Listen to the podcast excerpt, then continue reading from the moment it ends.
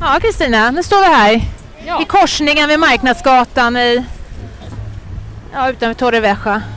Ja, här vimlar det faktiskt av pensionärer av alla nationaliteter men rätt många verkar faktiskt vara från Sverige också.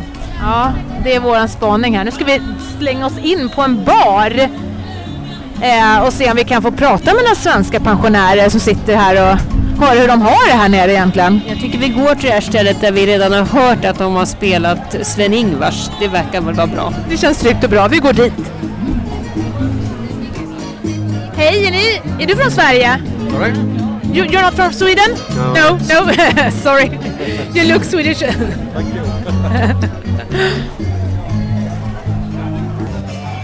Det är lätt att dras med i det här partylivet. Det är häftigt att se så många pensionärer så pigga. Eller så Ulrika? Ja, absolut. Och nu buggas det för friskt här alltså på...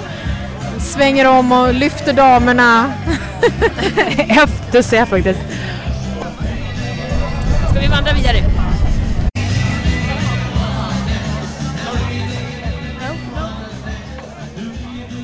Nej, det var inte så många svenska pensionärer som ville prata med oss, åtminstone inte när de fick en mick under näsan. Även om många gärna berättar utan mikrofon hur bra de har det. Men de svenska pensionärer vi träffat kan delas upp i två grupper. De som bor här men är skrivna i Sverige och de som har flyttat utifrån Sverige. Är det någon skillnad på de här, Kristina? Ja, det kan man säga. Det är ganska stor skillnad. Om vi börjar med den lätta biten. Eh, Du är fortfarande skriven i Sverige, men du är borta ganska mycket i Spanien. Eh, Och då, då kan man säga, du, då är det ingen skillnad som att du hade bott kvar i Sverige. Du betalar skatt i Sverige som vanligt och du kan söka bostadstillägg om du har rätt till det. Eh, och eller, eller försörjningsstöd. Hur länge måste vi ha varit i Sverige då? Är det, är det så att jag måste vara i Sverige ett halvår? Ja, är det finns någon slags, eh, men du ska alltså vara varak, varaktigt boende i, i, i Sverige och Ja. du ska liksom ha din, din permanenta adress i Sverige, så Okej. kan man väl säga. Mm. Eh, flyttar du utomlands, Mm. Då kan du ta med dig den pensionen som du har tjänat in själv. Den, den får du liksom med dig. Du behöver bara ange vilken, vilken postadress du ska skickas till. Och så får du räkna med att du måste visa upp dig en gång om året så att du fortfarande lever. eh, ja, Vart så, visar man upp sig då? då? ja, man går till en ambassad eller polisstation eller någonting sånt där. Och så får man någon typ av levnadsintyg? Eller? Ja, Ja. just det. Ja. Okej. Eh, och det är, dör man i Sverige så har ju myndigheterna koll på det, men, men, men det är inte alltid så i andra länder. Så kan man säga. Ha, eh, men däremot så finns det särregler om du har någon typ av pension som du alltså egentligen inte har tjänat in själv, utan som är någon typ av statligt stöd. Och då är det lite skillnader.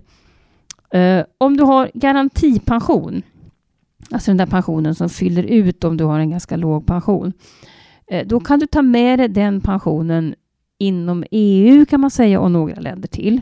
Vill man veta i detalj då kollar man det på Pensionsmyndighetens hemsida. Eh, men däremot till exempel Thailand, USA och sånt där, då, då får man alltså den, den pensionen upphör att betalas ut efter ett halvår. Och jag vet inte, det var ju sådana här fall för några år sedan om en glad 96-åring som flyttade till Thailand. Mm.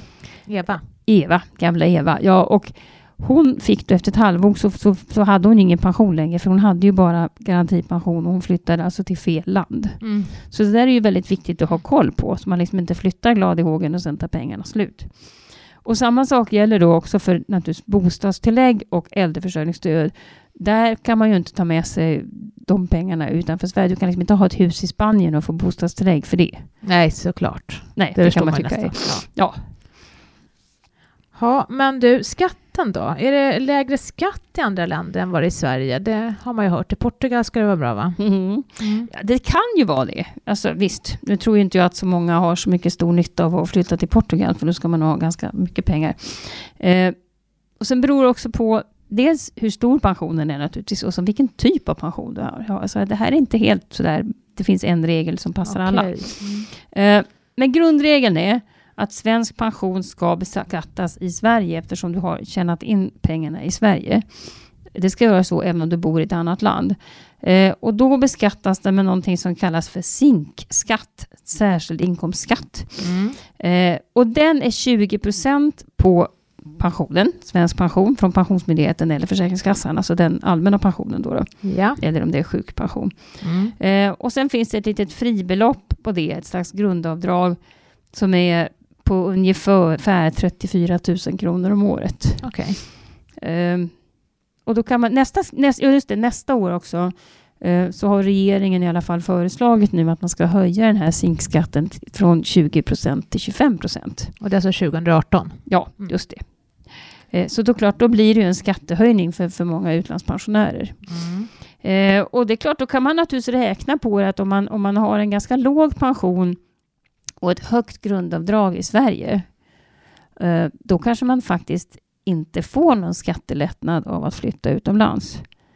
Så att har man, om man alltså ett, en låg pension och ett högt grundavdrag och har fyllt 65 år, eh, då kan det inte alltid vara så att skatten sjunker, i alla fall inte sjunker särskilt mycket om man flyttar till ett annat land. Så kan man väl sammanfatta det hela.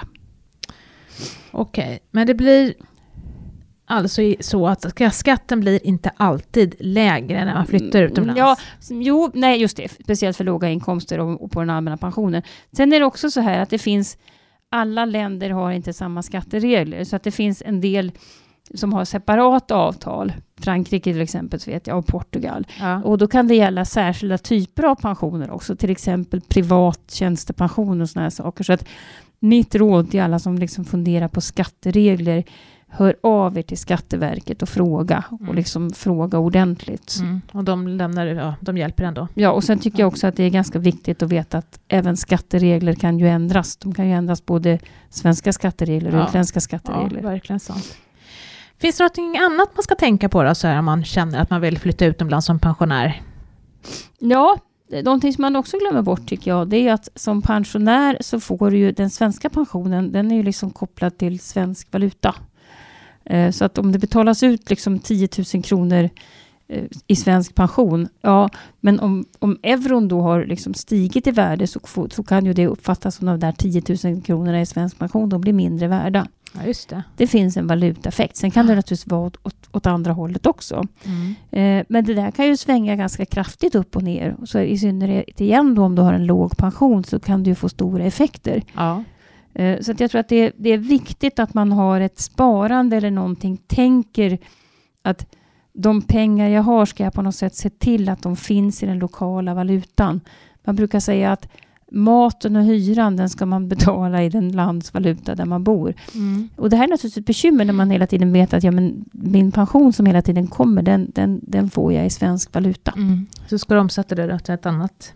Ja, ha ett sparkonto helt Ja. enkelt för att klara buffrarna. Ja, men Så det kan man väl säga. Ja. Ja, hur ska vi sammanfatta det här? Har vi, något, har vi tre tips den här gången? Ja, som det kan ge, vi säga. Ja.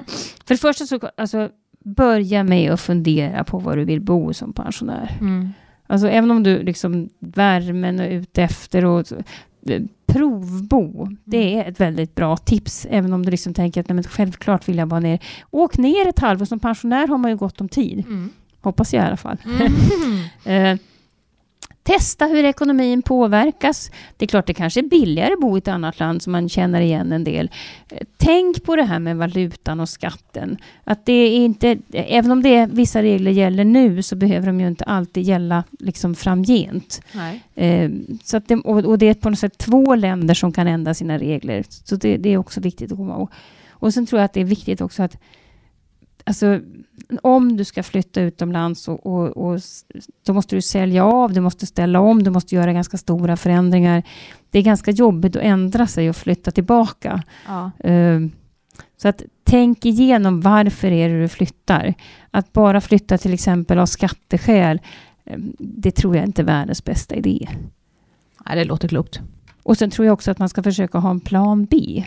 Hur gör du alltså om, om, om de här för- förutsättningarna ändras? Eller om någon blir sjuk? Eller, och så måste man också kolla det här med, med, med arvsskatt, förmögenhetsskatt. Som jag brukar säga i andra pensionssammanhang, ta livet av varandra och kolla vad som händer då. Det gäller här också. det alltså. gäller nog Mm. faktiskt här också i ännu högre grad. grad. Mm. Det här är en podd som görs av minpension.se där du kan se hela din pension och göra pensionsprognoser. Vi som har gjort podden idag, det var på plats i Spanien Ulrika Loeb, Kristina Kamp och Maria Eklund, jag. Eh, och här i studion så har Kristina Kamp och jag då, Maria Eklund, pratat. Vi finns på Twitter och Facebook och glöm inte att prenumerera på podden. Ha det bra, hej! Hej då!